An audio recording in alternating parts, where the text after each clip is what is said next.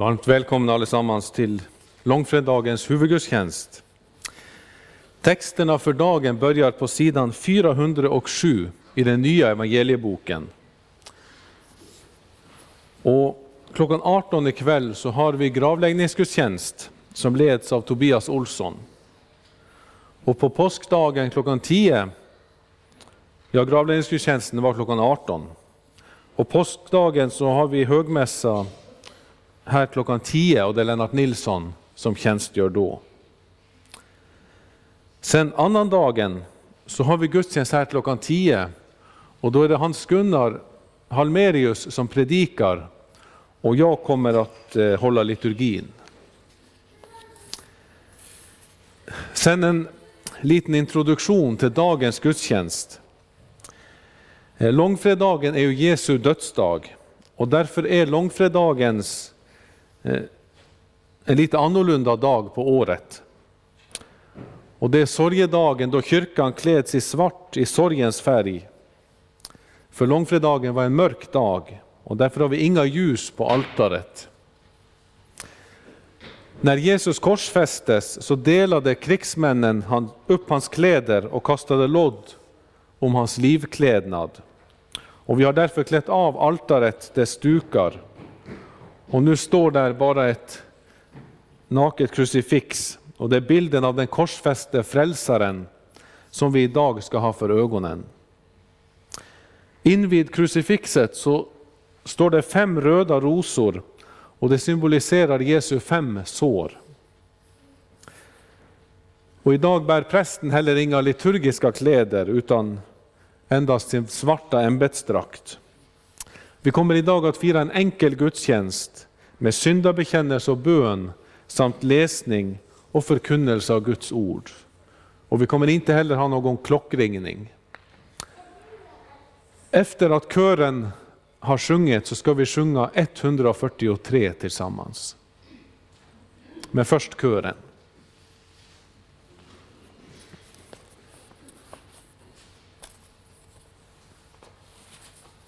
Mm.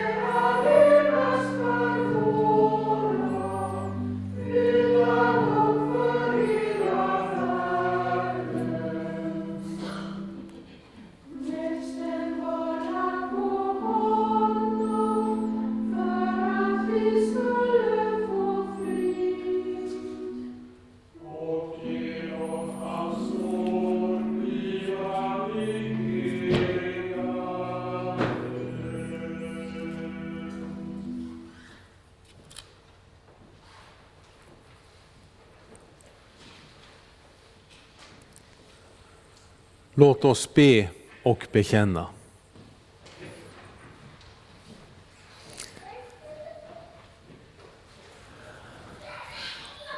Gud var mig nådig i din godhet. Tag bort mina synder i din stora barmhärtighet. Det är mot dig jag har syndat och gjort det som är ont i dina ögon. Vänd bort ditt ansikte från mina synder och befria mig från min skuld. Skapa i mig, Gud, ett rent hjärta och gör mig på nytt frimodig och stark. Driv inte bort mig från ditt ansikte och tag inte din helige Ande ifrån mig.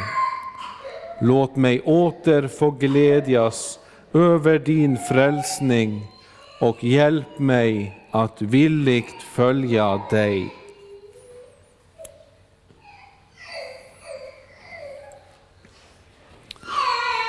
Begär du dina synders förlåtelse för Jesu Kristi skull, så är i kraft av Guds ord och löfte fast och visst att Gud av nåd förlåter dig alla synder. Denna förlåtelse tillsäger jag dig på vår Herres Jesu Kristi befallning i Faderns och Sonens och den helige Andes namn. Amen.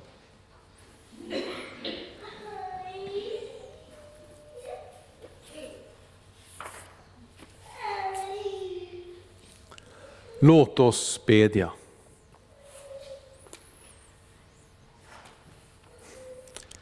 Himmelske Fader, du som inte skonat din egen son utan utgivit honom till döden på korset för vår skull.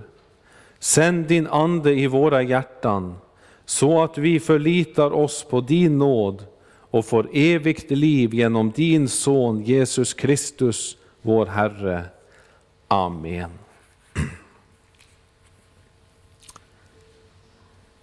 Hör Herrens ord ifrån långfredagens gammaltestamentliga läsning hämtad ifrån profeten Jesaja i det 53 kapitlet från den tredje versen. Han var föraktat och övergiven av människor, en smärtornas man och förtrogen med lidande. Han var som en som man skyler ansiktet för, så föraktat att vi inte respekterade honom. Men det var våra sjukdomar han bar, våra smärtor tog han på sig, medan vi såg honom som hemsökt, slagen av Gud och pinad. Han blev genomborrad för våra brott, slagen för våra synder. Straffet blev lagt på honom för att vi skulle få frid, och genom hans sår är vi helade. Vi gick alla vilse som får, var och en gick sin egen väg. Men all vår skuld lade Herren på honom. Han blev misshandlat, men han ödmjukade sig och öppnade inte sin mun. Som ett lamm som förs bort för att slaktas, som ett får som är tyst inför dem som klipper det så öppnade han inte sin mun. Så lyder Herrens ord. Gud, vi tackar dig. Så sjunger vi 137.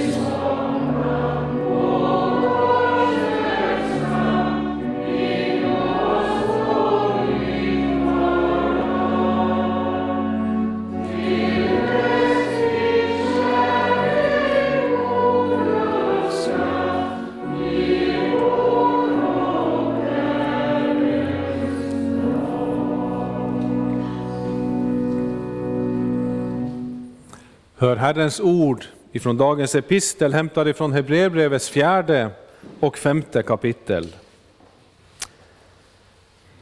När vi nu har en stor överstepräst som har stigit upp genom himlarna, Jesus, Guds son, låt oss då hålla fast vid vår bekännelse. Vi har inte en överstepräst som inte kan ha medlidande med våra svagheter, utan en som har varit frestad i allt liksom vi, fast utan synd. Låt oss därför frimodigt gå fram till nådens tron för att få barmhärtighet och finna nåd till hjälp i rätt tid. Och så från det femte kapitlet. Under sin tid här i köttet ropade han högt under tårar när han bad och vädjade till den som kunde rädda honom från döden. Och han blev bönhört och fri från sin, ängst, sin ångest. Trots att han var son fick han lära sig lydnad genom sitt lidande. När han sedan var fullkomnad blev han källan till evig frälsning för alla som lyder honom. Av Gud kallat överstepräst på samma sätt som Melkisedek. Så lyder Herrens ord. Gud, vi tackar dig. Så sjunger vi 142.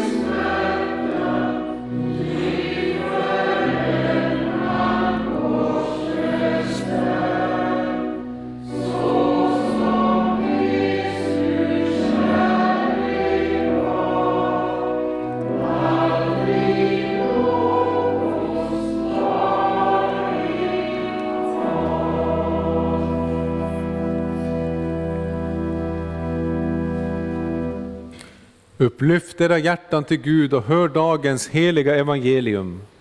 Så skriver evangelisten Lukas i det 23 kapitlet från den 26 versen. När de förde bort Jesus grep de en man som just kom in från landet, Simon från Kyrene. På honom lade de korset för att han skulle bära det efter Jesus. En stor skara ur folket följde honom, även kvinnor som sörjde och grät över honom. Då vände, sig, då vände Jesus sig till dem och sade, Jerusalems döttrar, gråt inte över mig, utan gråt över er själva och era barn. Det kommer dagar då man ska säga, saliga är de ofruktsamma, det moderliv som inte fött och de bröst som inte ammat. Då ska man säga till bergen, fall över oss, och till höjderna, göm oss. För om de gör så här med det friska trädet, vad ska då inte ske med det torra? Två andra brottslingar fördes också ut för att avrättas tillsammans med honom.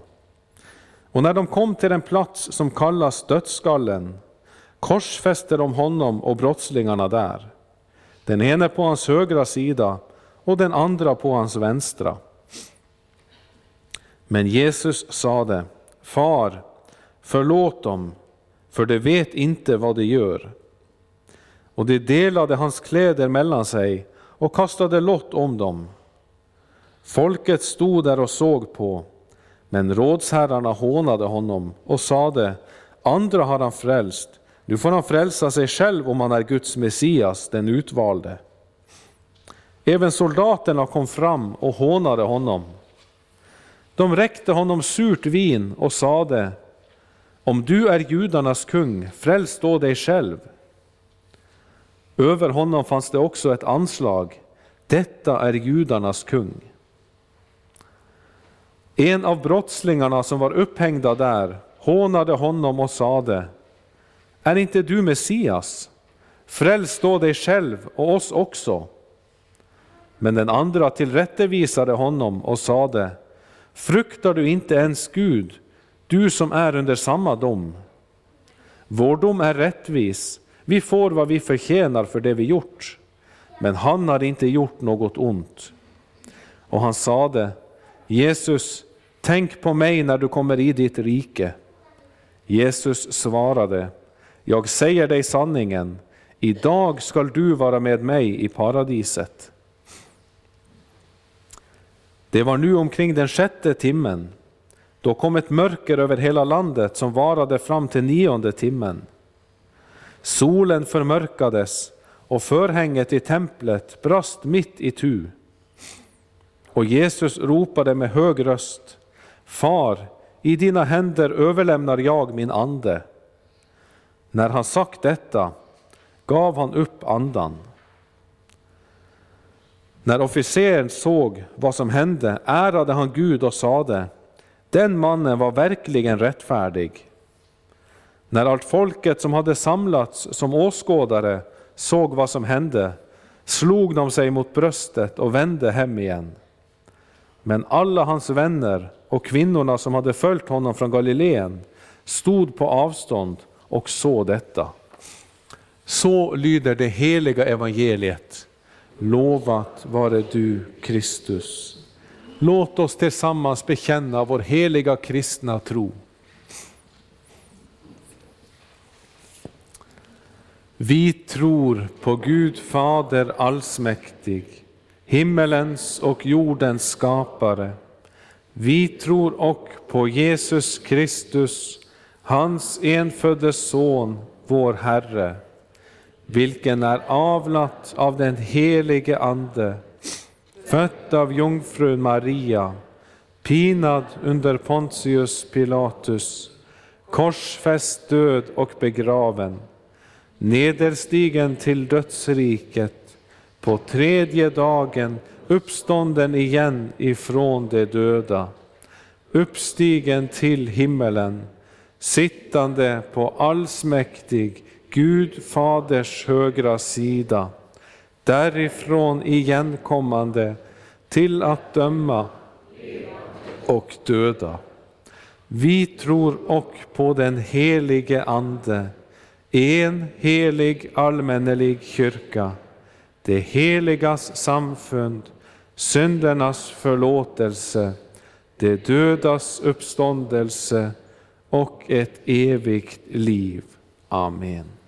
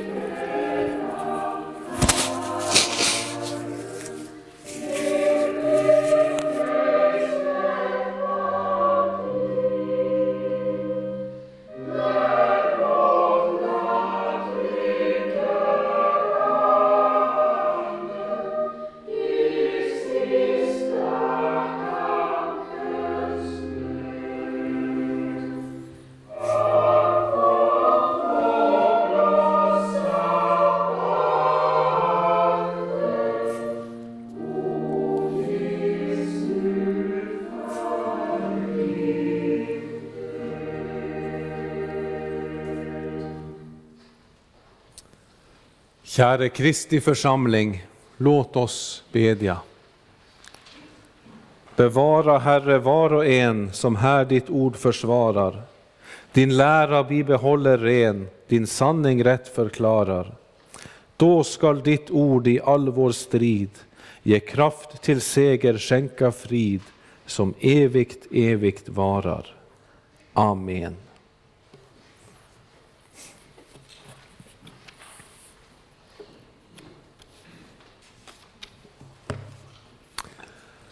Idag får vi höra om Jesu vandring upp till Golgata och hans korsfästelse.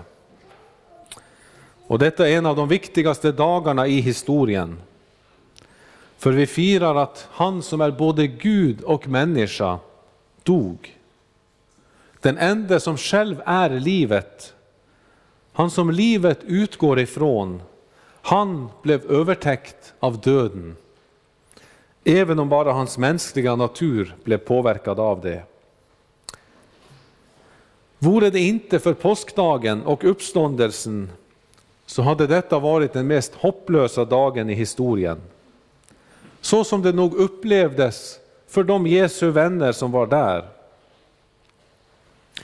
Men eftersom vi som hör om detta idag vet att Jesus segrade över döden och uppstod igen Därför kan vi mitt i detta tunga dödens mörker ändå se ljuset. Och detta ljus blir i dagens text tydligt i Jesu ord. För Jesus klagar inte över sina fiender. Han ömkar sig inte över sitt lidande, utan Jesu ord i dagens evangelium inger hopp, visshet och glädje. Och vi ska i dagens predikan stanna upp för Jesu fyra ord i evangelietexten. Vi börjar med Jesu ord till Jerusalems döttrar. hans enda ord innan själva korsfästelsen. På vägen till Golgata så grep soldaterna en man vid namn Simon och de tvingade honom att bära Jesu kors. Och vi förstår av detta att Jesus efter tempelvakternas och soldaternas behandlande av honom var så sönderslagen, så skadat att han inte ens kunde bära sitt eget kors.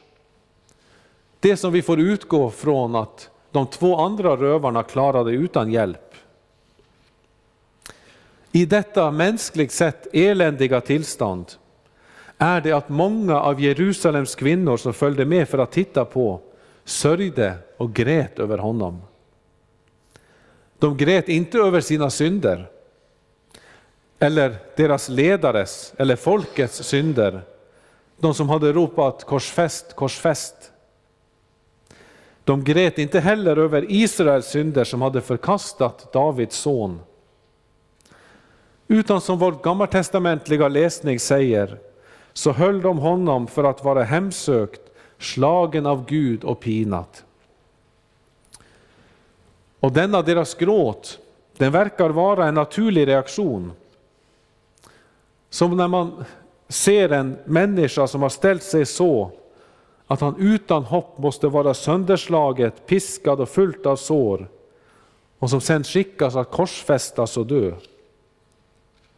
Eller man såg en falsk Messias som skulle befria Israel från den romerska ockupation, men som nu har hamnat i sina fienders händer. Helt ensam, utan hopp om räddning. En frälsare som hade förlorat för dem som han skulle frälsa ifrån. Ja, oavsett varför de grät över honom så såg de nu Jesus såsom en för vilken man döljer sitt ansikte. Så illa tillrätt att man inte ens tittar på honom. Men då är det att Jesus vänder sig till dem och säger Jerusalems döttrar, gråt inte över mig, utan gråt över er själva och era barn. Jesus vet att hur illa tillrätt han nu mänskligt sett än må vara, så är det inte synd om honom. För Jesus vet att han gör allt detta frivilligt. Han hade ju sagt att Fadern älskar mig därför att jag ger mitt liv för att sedan ta det tillbaka. Ingen tar det ifrån mig, utan jag ger det av fri vilja. Jag har makt att ge det och jag har makt att ta det tillbaka. Detta budet har jag fått av min fader. Det som medlemmarna i Stora rådet hånade honom med på korset, att han hade hjälpt andra och nu får han väl hjälpa sig själv om han är Guds Messias, den utvalde. Dessa hånfulla ord innehöll en stor sanning. Jesus är verkligen Guds Messias, den utvalde. Han har all makt att rädda sig själv från denna situation, att slå ner alla sina fiender och härska i Israel. Men hur skulle då, som profeterna vittnar, hur skulle han då, så som profeterna vittnar, återuppbygga Davids fallna boning, bygga upp dess ruiner och upprätta den igen för att alla andra människor ska söka Herren, alla hedningar över vilka mitt namn har nämnts. Nej, då hade han bara segrat för ett litet folk en viss tid i historien. Men Jesus ville segra för alla människor till alla tider, både judar och hedningar och därför lät han detta lidande fortsätta. Ja, istället för att sörja över honom skulle alltså Jerusalems döttrar istället sörja över sig själva och sina barn. Ty det kommer en tid då man ska säga, saliga är de ofruktsamma, det moderliv som inte har fött, och det bröst som inte har gett i. Då ska man säga till bergen, fall över oss, och till höjderna, dölj oss. Denna profetia, som först och främst passar på Jerusalems fall några decennier senare, den passar samtidigt på den allra sista tiden, när Jesus själv i sin makt och härlighet skall återkomma med sina mångtusen änglar för att hålla dom. Och på den dagen finns det verkligen skäl att gråta över Jerusalems och alla andra folks som har förkastat segerherren. Han som här och nu vandrar upp till segerplatsen, där han segrar genom att låta ondskan få utlopp för sin egen vilja. För när Jesus seger uppenbaras för alla på den sista stora dagen, då finns det ingen möjlighet att omvända sig. Då väntar domen över alla som har korsfäst Jesus med sina synder. Petrus gör det på pingstdagen helt tydligt att vi alla är skyldiga i Jesu korsfästelse. För i sitt tal till de som var kommit till Jerusalem från olika länder för att fira pingsthögtiden, så säger han att de hade korsfäst Jesus. Även om de inte hade hållit i hammaren eller spiken, så var det deras synder lika mycket som våra som var med i den världens synd för vilken Jesus dog. Ja, Jesus Kristus dog för våra synder enligt skrifterna. Därför har vi del i hans korsfästelse. Vår enda räddning är att han som är segerherren, han som Jerusalems döttrar jämrar och gråter över, att han också uppstod på den tredje dagen enligt skrifterna, för vår rättfärdiggörelses skull, genom att förklara de många rättfärdiga, eftersom han bar deras skulder. I uppståndelsens ljus blir denna hopplösa, sorgliga berättelse förvandlad till en segervandring, där härlighetens Herre, han som de korsfäste, frivilligt ger allt han är och har, för att i kärlek betala den straff som vi alla förtjänade. Har vi hans uppståndelse för ögonen, så kan vi verkligen gråta över människor runt omkring på jorden. Men Herren själv Just honom behöver vi inte gråta över, utan honom får vi istället tacka och lova för hans kärlek för vår skuld. Som, han som lät sig behandlas så att människor drevs att gråta och jämra sig bara genom att se honom.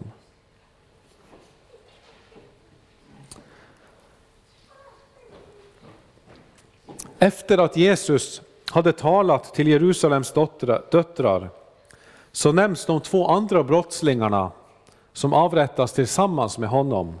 En på hans högra och en på hans vänstra sida.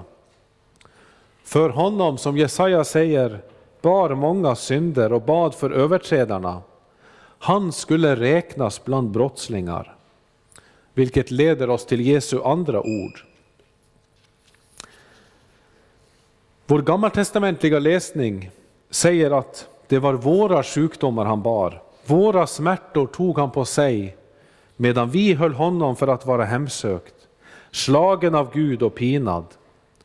Han var genomborrat för våra överträdelsers skull, slagen för våra missgärningars skull.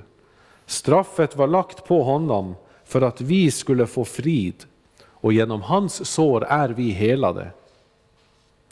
Därför, på grund av detta, för att Jesus just gjorde detta som Jesaja berättar om, därför kunde Jesus på korset be denna bön för överträdarna. Fader, förlåt dem, ty de vet inte vad de gör. Jesaja säger om denna lidande tjänare att hans liv blev gjort till ett skuldoffer ett offer som sonade för världens skuld. För bara då kunde han få se avkomlingar som pånyttföds genom hans ord och ande. För episteltexten säger att när han hade fullkomnats blev han upphovet till evig frälsning för alla som lyder honom, som tillsammans med honom ska få leva evigt. Han som är rättfärdig och av Gud blev kallad överstepräst, en sådan präst som Melkisedek. Han förklarar de många rättfärdiga därför att det är deras skulder han bär. Han som räknas bland blott brottslingar och bad för överträdarna. Detta ser vi i Jesu andra ord. Hur Jesus inte kräver hämnd och dom över sina fiender. Dessa som hånade honom och räckte honom surt vin och liksom sade, sträck ut armarna nu och ta drickan. Om du är judarnas kung så hjälp dig själv. Ja, han som även blev skymfat av brottslingarna själva, de som var under samma dom som honom. Han som på dessa sätt blev frestad och fick många anledningar att börja hata och skälla tillbaka, att fördöma och hämna sig.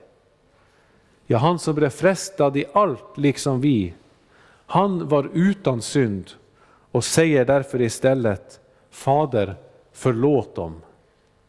Han hängde nu på korset för att just vinna deras och vår förlåtelse genom att drabbas av Guds helige vrede i världens ställe. Detta visar hans andra ord i vår text så klart. Som om han sade, Fader förlåt dem. De tror att jag är en vanlig brottsling och att detta kors visar att jag är en falsk Messias. De tror att de gör dig en, en eh, tjänst genom att döda mig. Men Fader, de vet inte vad de gör. Förlåt dem. Låt dem få se att jag hänger på korset för att sona deras synd. Att mina händer och fötter är genomborrade därför att de allesammans har använt sina händer till att ta istället för att ge och sina fötter att löpa bort från dig istället för till dig. Fader, de känner dig inte, men låt mitt lidande för deras skull öppna deras ögon så att de efter min uppståndelse får inse att jag har inte kommit för att döma världen utan för att frälsa världen. Att jag inte har kommit för att kalla rättfärdiga till omvändelse utan syndare. Ja, Fader, förlåt dem. Dessa Jesu ord de riktas nog först och främst till soldaterna. Men eftersom ingen av oss känner frälsningen så som vi borde, därför kan vi tänka att bönen gäller oss alla. Det är i alla fall Herrens vilja för oss alla, oavsett hur mycket vi vet vad vi gör, att Fadern ska kalla oss alla till omvändelse och låta oss få leva i förlåtelsens rike. För syndernas förlåtelse är vad hela kristendomen grundar sig på. Hade vi inte haft förlåtelsen vore det hopplöst. Men just här på korset visar Jesus hur centralt förlåtelsen är för honom. Den som han nu var på väg att fullborda och vinna för oss. Därför lät han sina fiender ta hans liv för bara då kunde han få möjligheten att förlåta. Inte bara små och obetydliga synder, inte bara sånt som vi gjort av misstag, utan när han som själv är Gud och människa dog, så visar det oss hur stort och tungt hans offer väger i vågskålen. Hans offer lyfter våra skitiga, fula och mest ondskefulla synder upp som en fjäder. Vår ondska och spridning av död och elände, det kan inte jämföras med hans offer som sprider livets ljus ut över hela världen. Och det fanns en människa vid Jesus sida som fick se detta där och då. När Jesu frälsande kraft drog denna dödsdömde syndare till sig i sista minuten. Han får höra det som är Jesu tredje ord.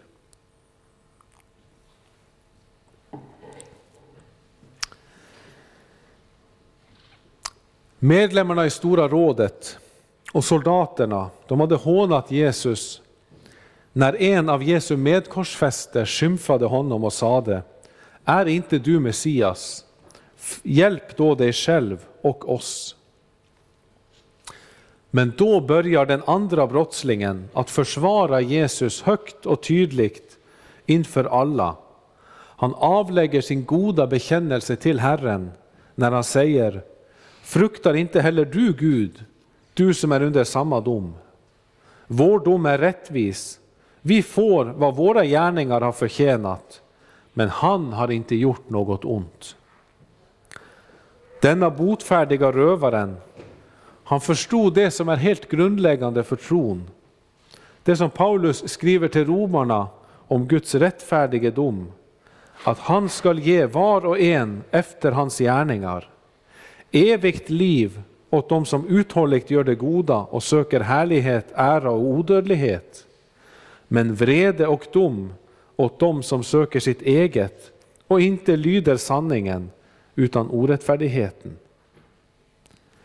Det, detta som hör med till varje omvändelse, det förstod den botfärdige, nämligen att våra gärningar förtjänar döden och att Jesus som förtjänade evigt liv på grund av sina gärningar, att han led dödsdomen i vårt ställe, därför att han inte hade gjort något ont.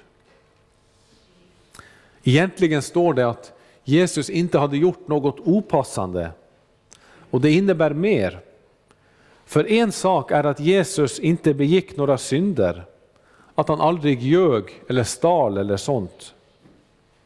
Något annat är att Jesus aldrig tillrättavisade någon som behövde tröstas, eller tröstade någon som behövde varnas.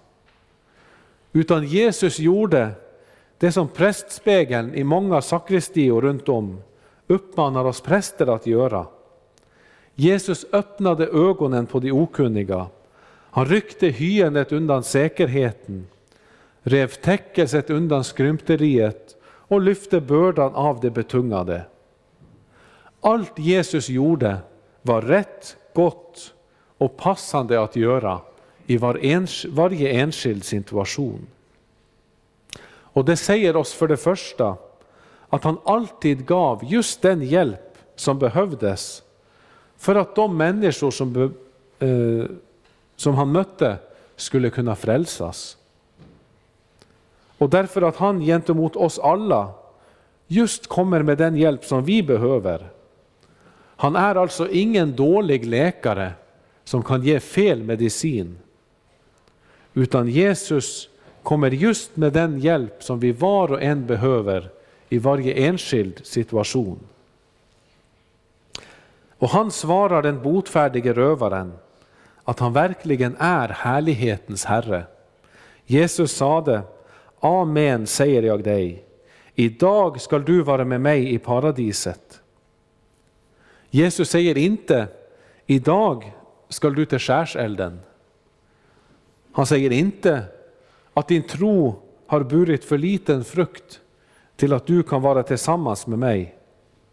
När Jesus förklarar denna rövare ren och rättfärdig, redo att ingå med Jesus i paradiset denna samma dag. Hans tro har frälst honom. Hans hjärta hade på korset blivit omvänt till Jesus och han hade fått förtrösta på att Jesus verkligen var den han utgav sig för att vara.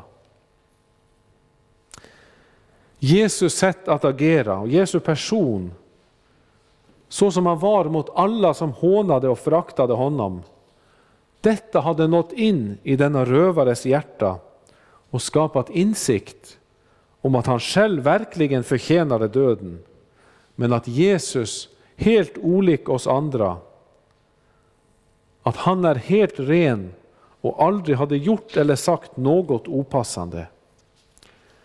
Ja, rövaren insåg att Jesus såsom vår överstepräst hade berett nådens tron där han kunde finna barmhärtighet och nåd till hjälp i rätt tid.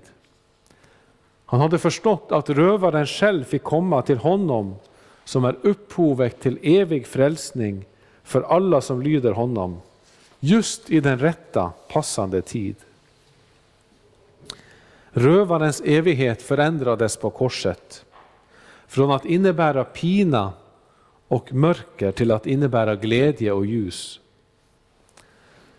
Denna rövare med sitt söndriga liv i bagaget, han fick med sin bekännelse och sin bön vara till mer hjälp för anfäktade syndare genom historien än många av de största predikanter som har levt. Allt beror på Jesu försonande gärning som nu snart skulle vara fullbordat.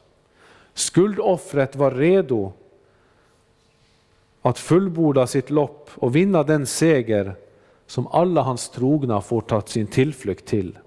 Och det får vi höra i Jesus sista ord, att när solen förmörkades och förlåten i templet brast mitt i tu, då ropade Jesus med hög röst, Fader, i dina händer överlämnar jag min ande. Och när han hade sagt detta gav han upp andan.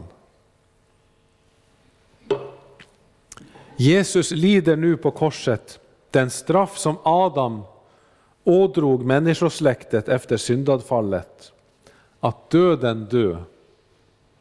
Nu drabbar denna straff Jesus i människosläktets ställe. Och templets förlåt rämnade som ett vittnesbörd på att Jesus nu hade fullbordat all rättfärdighet. För en gång om året, på den stora försoningsdagen, så skulle översteprästen gå innanför förlåten, in i det allra heligaste och stänka blodet på arken för att rena Israel från deras synder.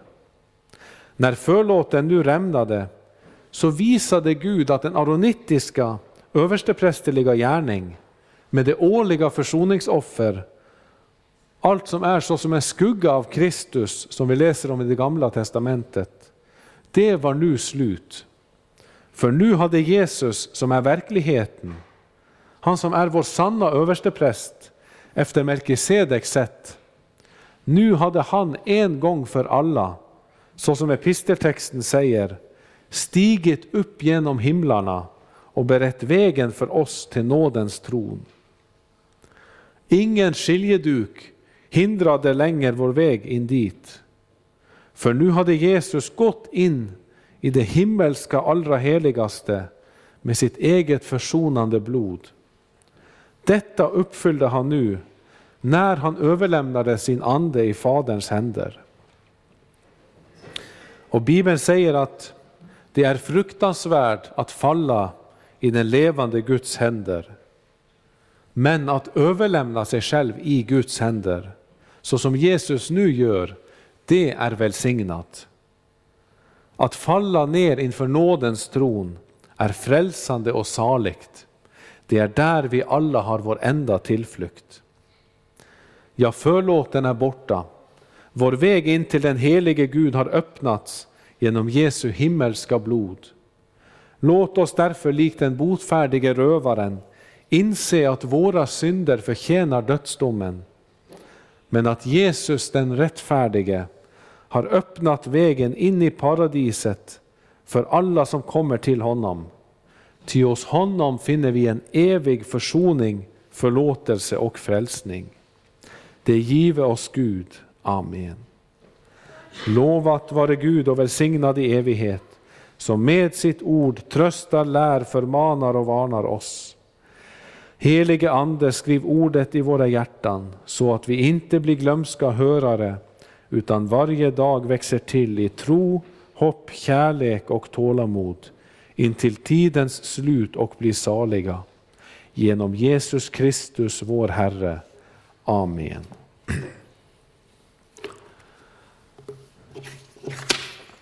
Innan vi sjunger på 140 må så all nåds Gud som har kallat er till sin eviga härlighet i Kristus, sedan ni en kort tid har lidit, han skall upprätta, stödja, styrka och befästa er. Hans är makten i evighet. Amen.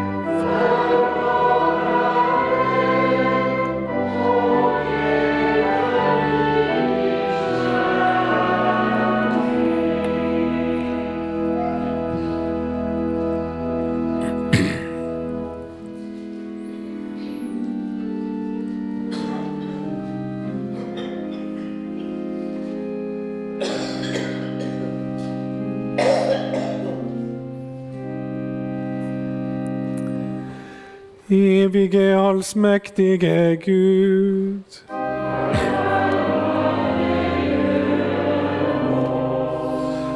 Herre, hör vår bön.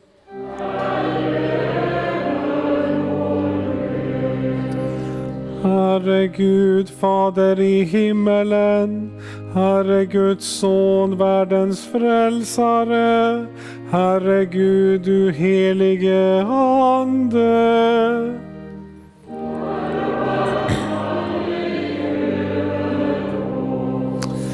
Var oss nådig.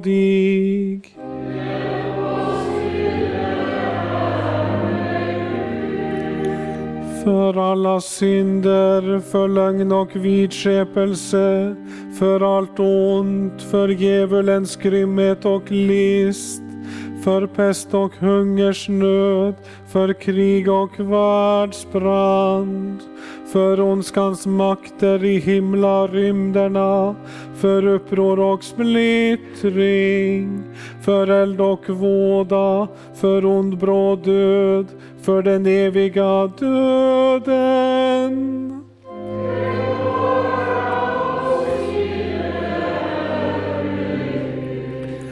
Genom din heliga födelse, genom ditt kors och din död, genom din heliga uppståndelse och himmelsfärd, i frestelse och fall, i välgång och lycka, i dödens stund, på yttersta domen.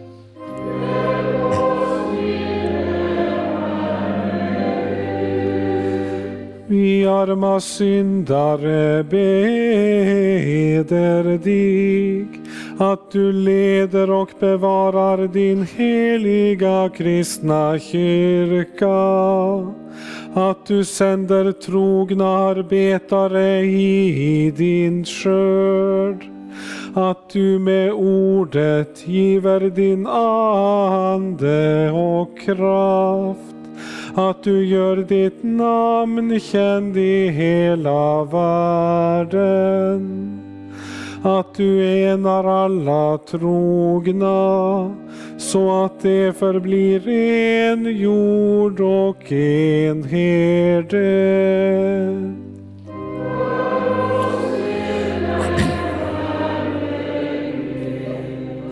Att du förunnar alla folk fred och endräkt. Att du skyddar och bevarar vårt fosterland. Att du välsignar våra hem och för de unga på dina vägar.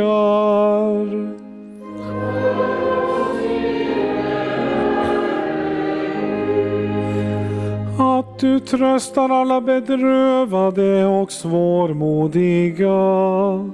Att du undsätter alla dem som är i nöd och fara.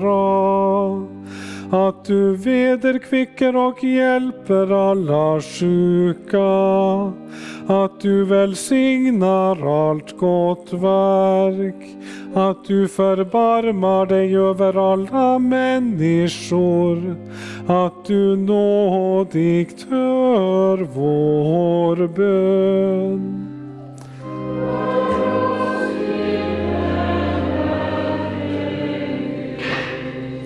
Herre allsmäktige Gud, du som hör de botfärdiga sökar och tröstar bedrövade hjärtan.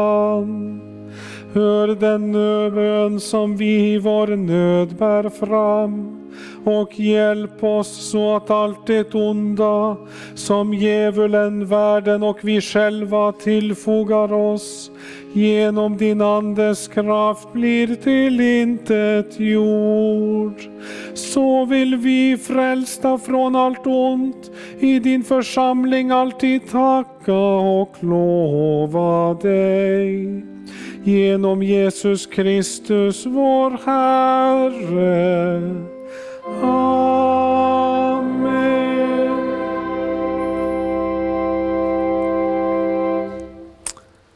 Se korsets träd, på vilken världens frälsare är fästat. Kom, låt oss tillbedja.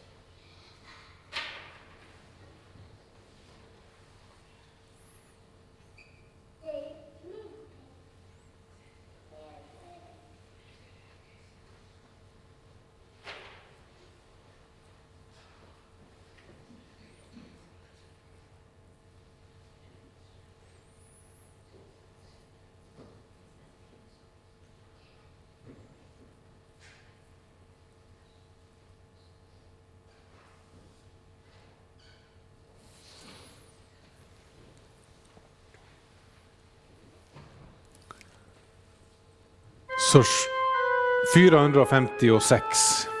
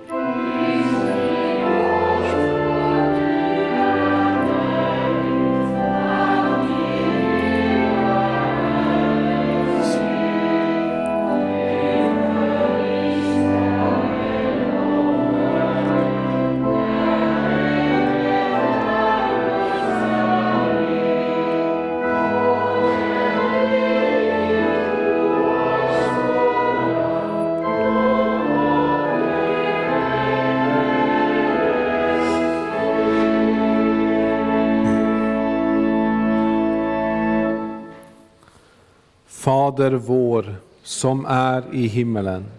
Helgat var det ditt namn.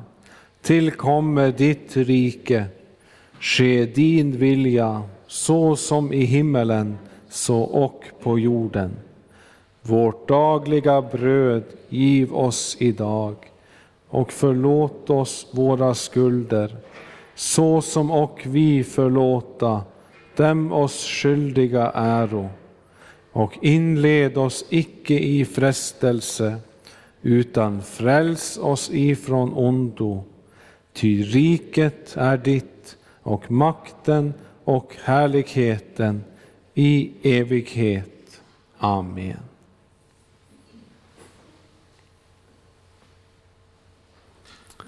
Tag emot Herrens välsignelse.